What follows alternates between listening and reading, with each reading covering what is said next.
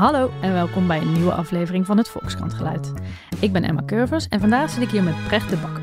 Zij werd vorig jaar moeder van een zoon. Maar dat valt nog niet mee als lesbische alleenstaande vrouw in Nederland. Ze moest uitwijken naar Denemarken om makkelijk in aanmerking te komen voor een spermadonatie. Daar schreef ze een stuk over en daar gaan we nu over doorpraten. Precht, Ja. leuk dat je er bent. Eh, ik begrijp dat jij een heleboel reacties hebt gekregen op je stuk eh, Ja. over dit avontuur. Zat er nog wat verrassends bij? ja, klopt. Nou ja, ik was er op zich best wel van onder de indruk ehm, hoeveel reacties er kwamen. Er waren heel veel negatieve reacties waar ik van stond te kijken. Ehm, vooral omdat mijn verhaal eigenlijk niet zo heel uitzonderlijk is. Dus je Nee. weet dat er in 2019 eh 9% van de baby's werd geboren in een gezin met een alleenstaande ouder. Dus ehm, dat er nog zoveel reactie kwam op het feit dat ik het alleen staan toe, is wel, kwam wel een beetje als een verrassing. Ja, Maar ik was ook wel echt heel blij om te zien ehm, dat er eigenlijk evenveel positieve reactie op kwam. ja, Ehm, en dat er van mensen kwam uh, waarvan dat ik eigenlijk waarvan dat hun, niet per se hun strijd was. Het zijn heteroseksuele vrouwen um, die het niet alleen staan doen. En dat ze toch opkomen voor uh, een lesbische of alleenstaande moeder, vond ik heel fijn om te zien. Want ik denk, um, als ze het een strijd maken die dan niet hun strijd aanvankelijk zou kunnen zijn of zou zijn, dan, um, uh, dan kan er pas echt verandering plaatsvinden. Ja. Op maatschappijniveau, denk ik. ja. Dus daar was ik echt heel, uh, heel blij om om te lezen. Verandering in de Ja. beperkingen die er nog altijd toch wel zijn. Hè? Dat bleek ook wel uit jouw verhaal. Ja, Eh, dan moeten die andere 91% van de gezinnen uh, ook meewerken. Ja, precies. Nou ja, er werd een beetje gedaan alsof dat het niet, um, niet een norm was.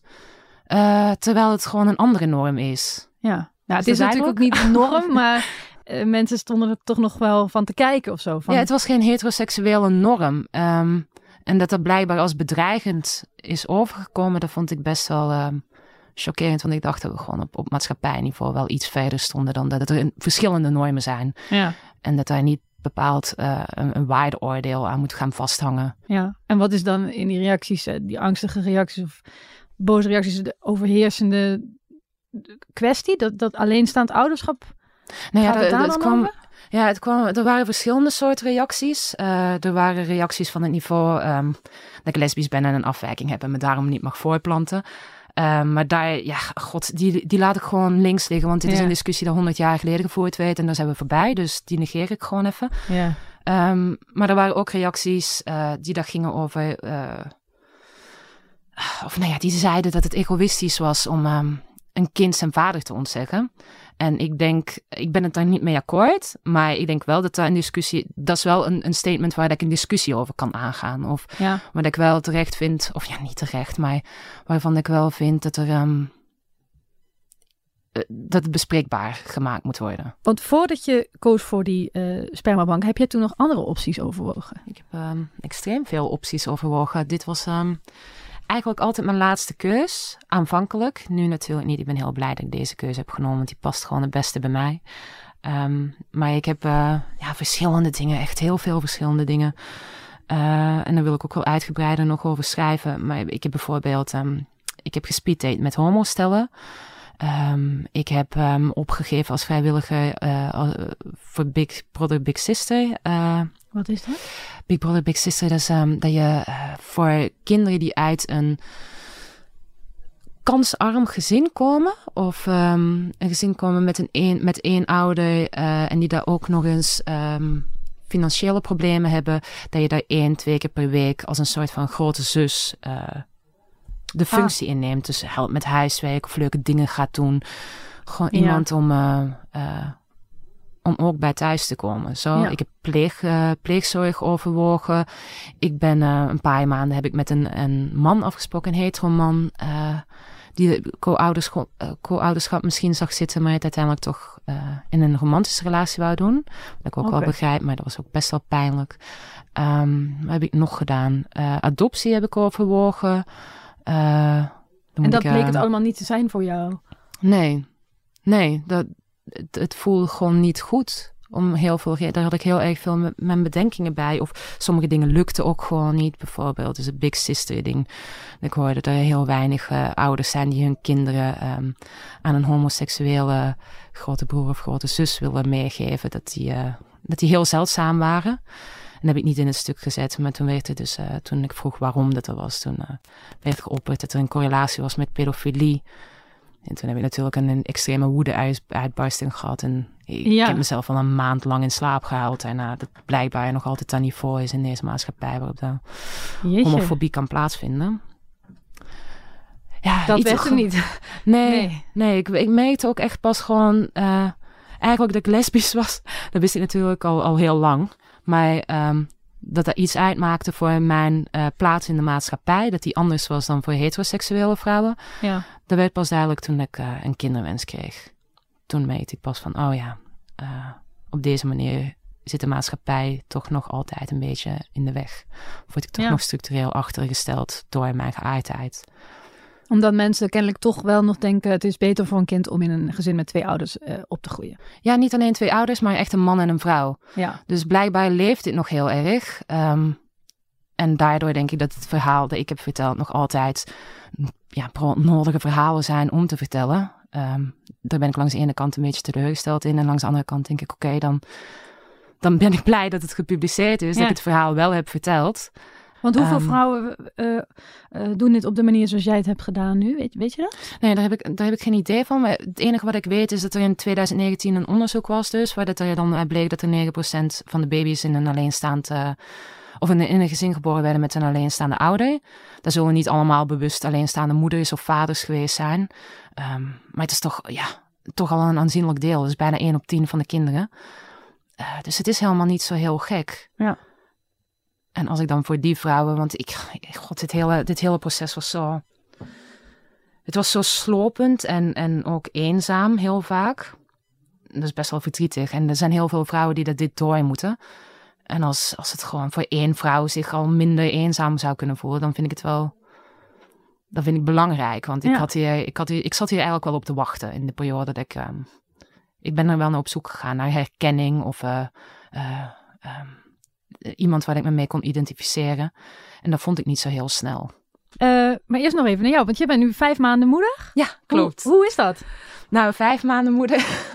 Eh, de eerste drie maanden waren best wel, eh, daar ga ik ook niet over liegen. Dat was, dat was echt heel intens. Dat was, dat was heel heftig. Ja, Ehm, natuurlijk wel geweldig, want ik heb zo lang op hem zitten wachten. En ik was zo verliefd, nog altijd. Elke dag word ik nog altijd iets verliefder. Dat is bizar hoe dat er kan. Ehm, maar de eerste drie maanden is toch gewoon overleven hoor. Dus Ja. ja. ik bedoel, ik kan wel genieten, maar het is toch gewoon hoofd boven water houden. En dat veranderde na drie maanden wel. Ik heb ook heel veel geluk dat het een kind is dat gewoon doorslaapt. Dus slaap doet echt heel veel met de mens. En sindsdien is het ook echt wel makkelijker. En hij begint nu ook contact te maken en een beetje te brabbelen en te lachen. En dus, ja, het is Ja. fantastisch. ja. Ja, ik ben echt heel blij met hem. Nou, je hebt dus gebruik gemaakt van die spermodonatie. Kun je nog even vertellen hoe dat in zijn werk ging? De spermadonatie? Ja, de, de Oh, route er naartoe. Ja, je hebt het natuurlijk ook opgeschreven, maar eh, hoe kwam je terecht bij die, bij die Deense eh, spermabank? Hoe gebeurt dat? Hoe vind Ja, je ik, ik vind het eigenlijk een beetje gek dat niet heel veel mensen dit gewoon zelf al bedacht hadden. Maar Ja, Want eh, dus het was helemaal niet zo ingewikkeld. Nou ja, ik, ehm, eh, ik kwam er dus achter dat het er in Nederland, is trouwens ook in België, maar eh, ook in Nederland dus, eh, voor alleenstaande en voor lesbische vrouwen een heel ander traject is dan voor hetero-stellen. En ja, ik kan op heel veel vlakken best wel gewoon principieel reageren. En dit was gewoon, ik heb te veel zelfrespect om mezelf te gaan onderwerpen aan een gesprek met een maatschappelijke weker, die dan zou beoordelen of ik geschikt ben als moeder. Eh, want je wist meteen al dat dat erbij zou komen kijken. Ja, Als dan- je opzoekt... eh, ja, ik, had graag- gebeld naar een paar, naar een aantal eh, fertiliteitsklinieken Mhm. voor een intake.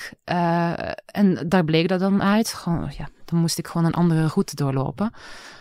En eerst een, een soort van goedkeuringsgesprekje. Ik moest ook eerst een doorverwijzing van de huisarts. Gewoon- In ieder geval was het een heel ander traject dan, ehm, dan het traject van heteroseksuele koppels. Wacht heel even. Eh, Stel, ik, dus als je met een man was aankomen zetten, hadden ze gezegd: prima, mevrouw de Bakker, loopt u maar door naar, naar die afdeling en dan gaan we het regelen. Ja. Maar omdat je alleen was, zeiden ze: nee, er is een intakegesprek. Ja. Zo gaat dat. Ja, naar, naar de klinieken waar ik... ehm, ja, dat is wel de, de regelgeving. En ook de klinieken waar ik naar heb gebeld of waar ik op een website zag. Dat wordt meteen het, gevraagd. eh, van, u doet het, Het staat alleen. ook, ja, en het staat ook vaak gewoon al op de website hoor. Gewoon, dan is het gewoon anders. Er was één website, daar, daar haal ik ook in het artikel, uh, dat was van Viva Neo van in Leiderdorp. Dus één, Ja. Dat is volgens mij wel echt een van de grootste Ja. in Nederland. Eh er staat dan gelijk aangegeven van, uh, voor lesbische en alleenstaande moeders moeten eerst een webinar volgen en dan een intakegesprek. Terwijl voor hetero-koppels is het gelijk een intakegesprek, maar in een intakegesprek valt er geen keuring plaats van ben jij mentaal, emotioneel capabel om voor een kind te zorgen. Nee, daar, gaan ze, daar is het gesprek mee, wa- wat is het praktische probleem? Is Ja. een man onvruchtbaar, heb jij vruchtbaarheidsproblemen? Eh, en dan komen ze aan de hand van dat gesprek komen ze uit bij een behandeling. Ja. En voor lesbische en alleenstaande vrouwen eh, moet er eerst een, ehm, een keuring plaatsgevonden worden. Zo, noemt, zo noemen ze dat ook echt. nou, zo noem ik het. Ik denk dat, Zo het, ik dat. denk dat het iets respectvoller wordt genoemd. Ja, Of iets subtieler wordt eh, benoemd door, door de artsen zelf daar. ja, ik geloof ook intake, want ik was op een aantal websites Ja, gaan kijken en dan staat er inderdaad intake. Dus volgens mij formeel eh, wordt er geen onderscheid gemaakt, maar dat onderscheid wordt praktisch gemaakt. Of, Ja, of is is- dat ook echt wettelijk vastgelegd dat die behandeling dat het anders loopt? Ik weet niet of het wettelijk vastgelegd is, maar het is wel, ik, het is wel hoe dat het in zijn werk gaat. Ja. Voor alleenstaande en lesbische moeders en niet voor hetero-koppels. En weet je ook hoe zo'n gesprek er dan uitziet van, van andere mensen? Als je Nou, ik heb het wel gehoord van andere mensen, ehm, eh, van zowel Belgen als, als Nederlanders. Ja. Ehm, nou, trouwens, in België gaat het volgens mij nog ietsje verder. Maar in Nederland, eh, dan wordt er gewoon een, een gesprek of een paar gesprekken, geloof ik, dat er dan ja, een soort van psychologisch onderzoek, heel klein, naar het schijnt is het ook formeel. Mhm. Ehm, weet ik niet of dat echt zo is. Ik heb geen cijfers van hoeveel vrouwen of geen voorbeelden van vrouwen die daar zijn afgewezen. Maar daar draaide het voor mij ook helemaal niet om. Het ging om het principe. Gewoon niemand moet. Ik heb geen bevestiging van iemand anders nodig. En al zeker niet van een vreemde om mij te bevestigen in mijn moederschap. Nee. En ehm, dat er geen man aan mijn zijde is, betekent niet dat ik niet. dat ik geen moeder kan worden. Nee. Of eh, dat iemand anders het recht heeft om dat te beslissen. Dat, er, dat ik een man zou nodig hebben in 2019, 2020, ehm, die mij kwalificeert in mijn moederschap of in mijn kinderwens. eh, of, of in mijn capaciteit als moeder. Ja, dat vond ik gewoon te stuitend. Je vond het beledigend, ja. Ja, ik vond het Ja. beledigend. En heb je een idee waar die ongelijke behandeling, waar dat vandaan komt? Is dat... Maar ik denk dat het nog altijd een heel ouderwets eh, idee is. Ehm, dat het toch nog niet helemaal ingeburgerd is dat, eh, eh, dat een gezin uit meerdere vormen kan bestaan dan alleen een man en een vrouw. Ik las ergens van een arts van het AMC die zei dat, dat ze eh, wettelijk geen onderscheid mogen maken in Ja, levensstijl, zei hij dan. Nou, Ja. valt het een beetje, kun je afvragen of dat een levensstijl is, maar Ja, hè, eh, eh, dat, ge- dat gebeurt dus kennelijk in de praktijk wel. Maar Ja, ik weet ook niet of dat in alle klinieken in Nederland zal gebeuren. Dit waren gewoon de klinieken die dat ik had gevonden. Ja. Die wel, en het is wel gangbaar. En al de vrouwen die dat ik ken, die op die manier zwanger zijn geworden of, of met het traject bezig zijn, die hebben wel dat traject moeten doorlopen. Ja, want die, die kende je wel.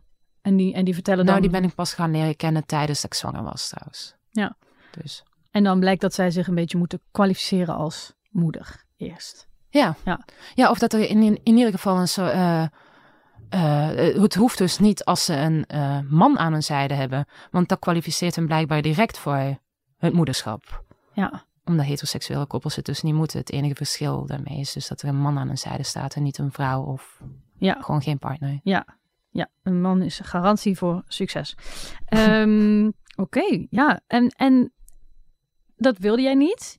Eh, en toen ben je naar die Deen, Deense, eh, de, de Deense Nou, ja, optie toen- toegegaan. Ja, toen ben ik dus gaan opzoeken. Het was ook omdat ehm, eh, ik wist dus van mijn huisarts, die had al gezegd: als jij een kinderwens hebt, dan kan ik je alvast op de wachtlijst zetten. Want eh, en toen zei ik welke wachtlijst dan? Ze zei ja voor een donor, want dat duurt twee jaar ongeveer. Eh, en dan was het ook nog zo dat ik in die donor geen enkele keuze had. Gewoon, of, of misschien heel weinig. Nee, ik denk Ja. niet dat ik. eh, dat is trouwens, hier ben ik niet de specialist in. Dit weet ik niet Nou heel ja, precies. Maar ik heb net mij, even opgezocht, omdat er in Nederland is er geloof ik een heel groot tekort hè, aan Heel die groot. Ja, dat wel. Ja. En, en dan moet, moet je op de wachtlijst. Misschien dat het daardoor dan ook is van nou, zodra er een beschikbaar is, dan, dan moet je die baby maar nemen. Ja, ik weet niet wat het de motivatie precies is, maar je krijgt heel weinig informatie. Ja, Dus ehm, je krijgt ook geen kinderfoto's, interview. En ik wist al wel van het bestaan van Krios af. En Ja. eh, dat komt gewoon omdat ik an- lesbische kop- koppels ken eh, die er dan zwanger zijn geworden via een Deense donor.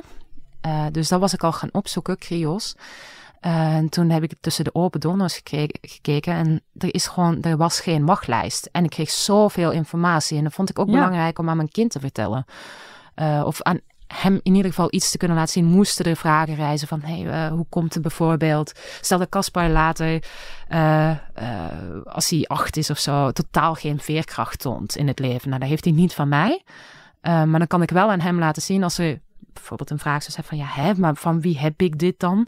Dan kan ik laten zien, nou, er was een hele uh, er is een hele grote uh, emotionele intelligentietest gedaan bij uh, die donor. En mm. daaruit blijkt dan gewoon, oké, okay, Jacobsen, zo heet de donor dan, um, is niet veerkrachtig. Ja, dat is de ja, codenaam. Ja. Die is helemaal niet veerkrachtig, want dit en dit en dit is er gebeurd in zijn leven. En dat vond hij heel moeilijk om te verwijken. Het is, echt, het is heel gedetailleerd. Dat hij heel veel liefdesverdriet had en dat hij daar moeilijk overheen kon stappen. op een gegeven moment is het, het, zo gedetailleerd is het, het hele verslag. Um, en je kon echt van alles lezen over deze. Het was een heel uitgebreid interview, pagina's lang, uh, waarin er dan gevraagd wordt. Nee, dat gaat van vragen van favoriete kleur en favoriete boek, maar ook van wat was uh, de meest ingrijpende uh, gebeurtenis in je leven? hoe heeft dat jou beïnvloed? Waar, op welk moment ben je het meest trots? Uh, over familiebanden. Het, gaat, het gaat overal over. Ja. Over alle baantjes dat hij als student heeft gedaan zelfs. Uh, er zijn ja. kinderfoto's. Uh, totdat hij acht is. is kennelijk veel compacter wat je te weten Nee, je krijgt gewoon helemaal niks te weten. Helemaal niks. Want ik had wel begrepen dat je in Nederland uh, verplicht is om dat je kunt, te weten kunt komen wie uh, je donor is. Als ze 16 zijn, geloof ik, of 18 misschien in Nederland, ik weet het niet. In ieder geval is het voor Caspar zo dat als hij 16 is, um, dat hij dan contact mag opnemen. Maar hij heeft dus voor die tijd heeft hij al heel veel informatie en dat vond ik belangrijk. Om, uh, omdat, dat weerlegt ook een heel klein beetje, of vooral, dat legt, weerlegt eigenlijk de commentaar op Facebook um, van de mensen die, uh, die zeggen dat het. Uh, um, dan, dat Caspar zijn, um, zijn biologische vader. Ik, ik wil het liever niet vader noemen, gewoon donor. Mm -hmm. dat ik hem daarmee dingen ontzeg met het niet te weten. Hij weet het tot zijn zestiende, weet hij heel veel dingen, weet hij al. Um, en dat was voor mij belangrijk omdat er uh, ik heb dus onderzoek gedaan voordat ik zwanger werd van gaat mijn kind hier schade mee aandoen? Is het egoïstisch van mij om, om dit zo te willen, dit alleen te willen? Ja. En uit geen enkel wetenschappelijk onderzoek bleek dat kinderen van alleenstaande moeders of uh, lesbische moeders het slechter zouden doen. Nee. Er is helemaal geen enkel bewijs voor. Sterker nog, eigenlijk het tegendeel. Dat wil ik nu ook weer niet uh, uh, gaan roepen of zo. Maar dat was wel het, het, het antwoord dat uit, uh, uit het onderzoek kwam. het enige wat er wel gezegd werd, was het, dat heet zoiets als kinship theory, is dat kinderen heel erg nodig hebben um, dat ze zichzelf kunnen verklaren of identificeren aan de hand van bepaalde kenmerken die dat ze herkennen bij um, een ouder of, of een opvoeder of iemand belangrijk. Ze moeten weten waar daar hun eigenschappen vandaan komen en dan moeten ze kunnen herkennen bij iemand anders. Ja. Dus daarom vond ik het belangrijk dat Caspar, als hij later groter wordt, uh, of als hij groter wordt, dat hij dan um, bepaalde eigenschappen van zichzelf, die dat hij bijvoorbeeld niet bij mij terugziet.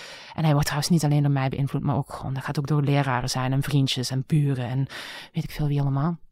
Maar dat, als hij het niet herkent van, oh, ik weet niet waar dit, dit vandaan komt, dan heeft hij in ieder geval al een basis om naar terug te kijken van, ja. uh, oké, hier, dit komt waarschijnlijk van mijn donor. Ja. En dan heb jij gewoon een mapje klaar van, hier is het. Ja, en er zit ook een persoonlijke brief, een handgeschreven brief van die donor. En hij heeft ook een boodschap ingesproken voor Caspar. Uh, en dus een brief naar hem geschreven, ja. uh, waarin daar staat uh, dat hij um, direct is gekomen in, een, in een heel warm, liefdevol nest. Maar als hij ooit behoefte zou hebben of de wens zou hebben om een band met hem op te gaan bouwen, dat hij dan welkom is. Oké, oh, dat is ook bijzonder. Ja, dat vond ik wel belangrijk, maar dat, het is dus wel mogelijk. Het is niet. Um, op die manier vond ik belangrijk dat ik hem dan niet zou ontzeggen. Zonder oordeel uit te spreken over mensen die wel kiezen voor anonieme donors. Ja. Daar heb ik natuurlijk ideeën over zelf. Uh, en dat was niet mijn keuze. Maar ik vind niet dat mijn plaats is om daar een oordeel over te vellen. Want jij hebt dus wel gekeken naar onderzoek dat er bestaat over kinderen die uh, bij, bij één ouder opgroeien. Ja, tuurlijk. Maar dat is er wel.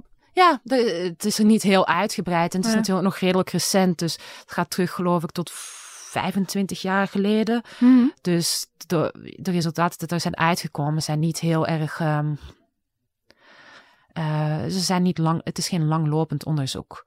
Dus het is niet conclusive of zo. Van Nee, wat het, eh, vrij wat kleine het, eh, groepen ook, geloof ik, hè? ja, precies. Dus het is niet conclusive wat het daar, eh, ehm, de conclusies dat eruit kunnen getrokken worden. Nee. En je kunt natuurlijk eh, kinderen die in een gezin via een spermadonor ter wereld komen ook eigenlijk helemaal niet vergelijken met kinderen die in andere eenoudergezinnen opgroeien. Ja. Omdat die misschien weer een scheiding hebben meegemaakt, waar, die ook weer Ja. invloed heeft op hun eh jeugd. Ja, precies. Eh, ja. Ja, ja.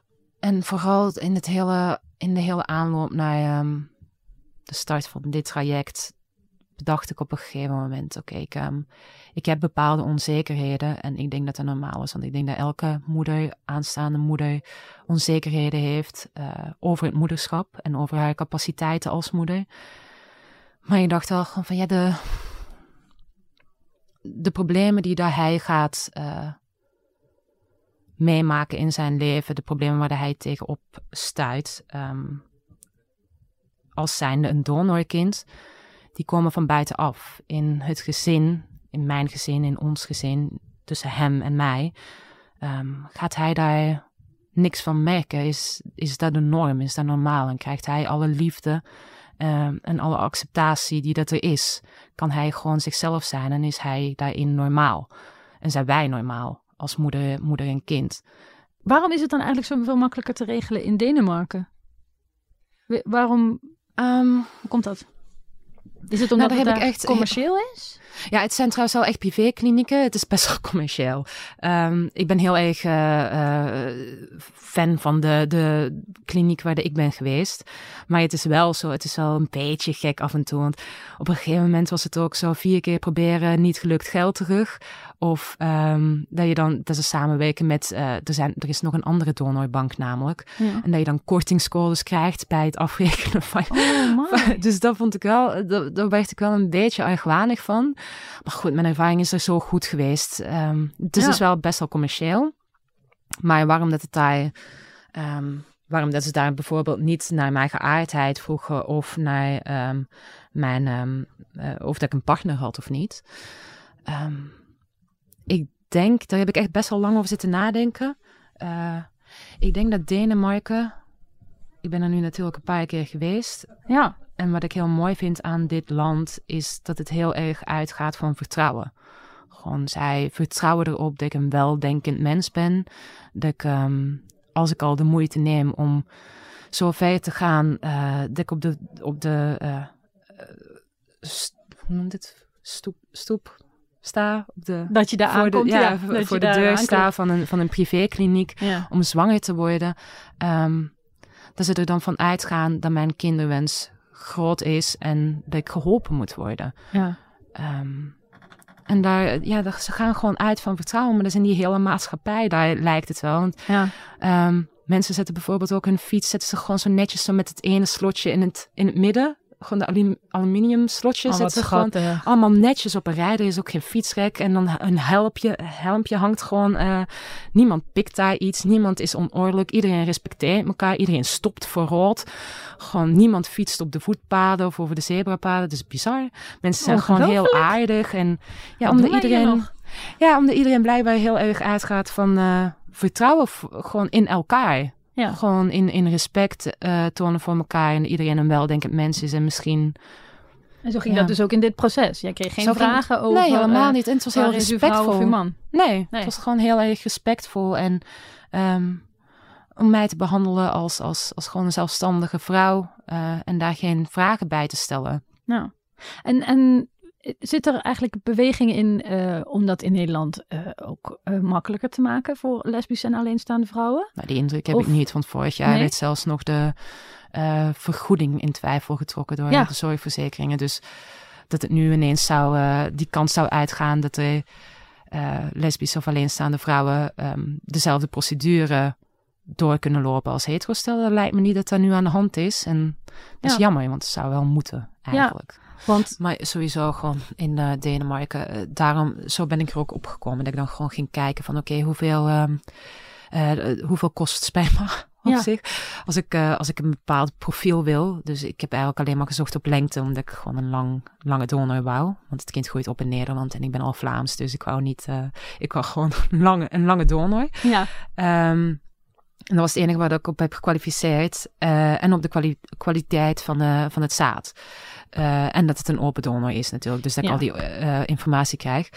En met kwaliteit van het zaad bedoel je het aantal spermatozoïden per... Ja, en de snelheid en hoe snel ze zijn. Ja, dat vergroot natuurlijk de kans op succes. Ja, precies. Dus ik had uh, super sperma uitgekozen. Dat was ook heel duur. Ja, want je kunt, dus... ik begreep bij Krios inderdaad verschillende kwaliteiten daarin uh, uitkiezen. En, en dat verschilt dan ook in prijs. Je kunt ja, dan, zeker. Ja, en jij bent dus voor de, de absolute top. Uh, ja, ik dacht gewoon, het is zo'n pijnlijk proces. Um, en ik doe liever gewoon één, twee, drie keer met heel duurzaam, maar dat het dan wel gewoon gelukt is, dan denk ik deze hel vijf, acht keer door moet, omdat het gewoon minder kwalitatief zaad is en misschien goedkoper. Ja. Dus uh, nee, dan maak je het voor jezelf. Uh, ja. Neem je eigenlijk het zekere voor het onzekere mee. Ja, en hoe dat ik het dan opkwam om het gewoon ook in Denemarken te laten doen, was toen ik zag van, oh, maar het kost ook om het um, te verschepen naar Nederland, kostte al 250 euro. En dan was er weer heel dat gedoe. Ik wou het natuurlijk helemaal niet in Nederland bij zo'n kliniek laten doen. Dus toen dacht ik, oh, maar dan kan ik het misschien thuis zelf doen, want dat kan dan ook. Maar dan kost het 250 euro om gewoon naar hier te verschepen. En toen dacht ik, oké, maar hoeveel zou het eigenlijk kosten als ik gewoon naar Arus ga, waar de, uh, de sperma um, bank is. Um, en als ik dat daar in mijn kliniek laat doen, was daar dan de procedure. Ja. Dus dan werd het voor 50 euro werd het dan verschenen. Maar het was ook maar uh, iets van 250 euro kostte de hele behandeling. Maar alles, van intakegesprek tot einde, was, dat was het. Ik moest alleen nog... Los van dus de, de aanschaf van... Ja, uh, los, van, het, los van het sperma. Maar dan ja. moet je sowieso betalen, ook in Nederland. Um, en uh, de, dus het was een heel goed. Het, het, kostte bijna niks. In, in Nederland is geloof ik het intakegesprek kost bij sommige klinieken al 600 euro. Dat is dan inderdaad wel voor een deel vergoed, maar voor een groot deel ook gewoon. Mm. Ik bedoel, je moet nog altijd wel best wel veel geld betalen. Um, dus Alleen de hormonen moest ik er nog bij betalen. Maar dat, ja, en een vliegtuigticket kost ook 100 euro heen en terug. Dus ja. dat was nou, ook je niet bent toch wel een heel aantal keren daar naartoe gegaan. Want je bent één keer ja, klopt, oriënterend naar Arus gegaan. Ja. Eén keer een poging gedaan die niet is gelukt. En klopt. de derde keer uh, is het wel gelukt. Klopt. Ja. ja. En je hebt uiteindelijk een soort ja, spermaverkiezing uh, gehouden voordat je in zee ging met, uh, hoe heette die, Jacobsen. Ja, klopt. De naam Jacobsen. En, en waarom viel dan de keuze op deze persoon? Um, nou, deze persoon, de codenaam Jacobsen, die was um, in alles bleek hij heel uh, rustig. Uh, um, hij leek een beetje het tegenovergestelde van mij in alles. Um, ik kan dramatisch uit de hoek komen en hij leek in alles heel beheerst. Ja. En dat vonden mijn vrienden wel een, een mooie combi. Ja. Uh, hij was ook namelijk echt best wel mijn favoriet. dus ik, ik had sowieso al de neiging om om eerder hem te kiezen. En ik vond de babyfoto's ook echt, of de kinderfoto's, gewoon, daar was ik ook een beetje verliefd op. Dus, en ik had ook het idee dat hij qua, um, dat vond ik ook belangrijk, vonden mijn vrienden ook belangrijk, qua uiterlijke kenmerken um, leek hij best wel op mij. Uh, en ik vond het voor mezelf uh, fijn als ik dan een grotere kans had dat mijn kind ook echt ik mezelf daarin zou herkennen. Niet dat dat per se nodig is natuurlijk, maar ik vind het heel fijn om dan uh, zien van, oh ja, hij heeft mijn ogen of hij heeft mijn ja, kaakstructuur. En daar had die Donner net hetzelfde. We hadden, we hadden wel bepaalde fysieke kenmerken die hetzelfde waren. Lippen, mond, oren, neus. Ja. Dat vond ik fijn. En voel je dan ook een soort band met die persoon? Ja, dat is echt heel gek, maar wel een beetje. Ik ken hem natuurlijk, ik ken hem natuurlijk niet, maar uh, ja, hij heeft mij gewoon wel een kind gegeven. Ja. Um, en dat is het mooiste, het mooiste cadeau dat hij mij had kunnen geven. Ik heb er natuurlijk voor betaald, maar dat doet niet de zaken. Hij heeft, het, hij heeft zijn, um, zijn spijmen afgestaan um, om mij te helpen. Ja. Hij had natuurlijk, hij kent mij ook niet, maar om mensen te helpen. En dan vond ik, ja, ik vind, ik ben hem natuurlijk heel erg dankbaar. En um, het ligt er natuurlijk aan wat Caspar later wil. Als hij, als hij er geen behoefte aan heeft, ga ik het niet aanmoedigen. Maar stiekem hoop ik wel want dat hij hem ooit een keer wil ontmoeten. Omdat ik hem gewoon zelf een keer wil ontmoeten. En gewoon bedanken voor, voor mijn kind. Zoiets groot. Ja, ja, zo, ja. het is echt heel mooi, heel groot. Nou, de keuze viel op Jacobsen en, uh, en toen kwam Caspar uh, er. Hoe gaat het met hem? Ja, heel goed. Hij heeft nu een beetje griep, net als zijn moeder. Ah. Maar het gaat, uh, nee, het gaat fantastisch. Hij is vorige week begonnen met omrollen. En ja, hij zegt, het gaat heel snel met hem. Dus nee, het gaat heel goed. Ik ben heel blij met hem. En ehm, wat nu? Want jij gaat een boek schrijven over dit onderwerp, heb ik begrepen. Ja, dat heb ik ook net begrepen. Ja, dat is echt nu net vandaag beklonken. Ja, klopt, klopt. Er moet nog wel uh, een uitgeverij, um, moet nog wel bepaald worden wie dat dan gaat worden, maar er gaat wel een boek aankomen. Ja, en wat, wat wil je met dat boek? Wil je daar uh, je eigen verhaal mee vertellen of wil je daar nog meer mee bereiken, ook voor andere vrouwen? Nou, ik denk dat het ongeveer, ik kan niet anders schrijven dan dat ik heb geschreven in het artikel. Dat is, gewoon mijn schrijfstijl en... Um, ik wil het ook heel dicht bij mezelf houden. Ik wil geen how-to guide schrijven of zo. Daar ben ik, uh, daar ben ik niet voor. Maar ik wil gewoon mijn verhaal vertellen. En daar heb ik. Um, dit was natuurlijk heel kort. Die, die reis heeft vier jaar geduurd. Um, er zijn nog wel meerdere dingen die daar kan aanstippen of aanhalen. Um, en ik hoop dat er gewoon vrouwen dan ook kan steunen in hun zoektocht. Dat ze minder eenzaam voelen. Misschien op ideeën brengen. Want dingen die er voor mij niet hebben gewerkt, zoals co-ouderschap die kunnen wel voor iemand anders werken. Uh, en dat ik gewoon die opties meegeef. Maar vooral uh, dat het bespreekbaar wordt in de maatschappij. Um, uit de Facebook-reacties, uh, die daar heel veel negatief waren, of heel negatief waren of konden zijn, blijkt dat het toch nog steeds al een onderwerp is wat discussie opwerpt. en um, waar er plaats voor moet gemaakt worden, denk ik. Ja. Goed werk. Ik zie er naar uit. Dankjewel. Succes, dankjewel Brecht. Ja.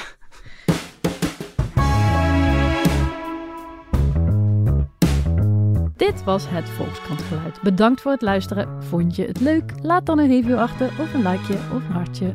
Dankjewel. Dag.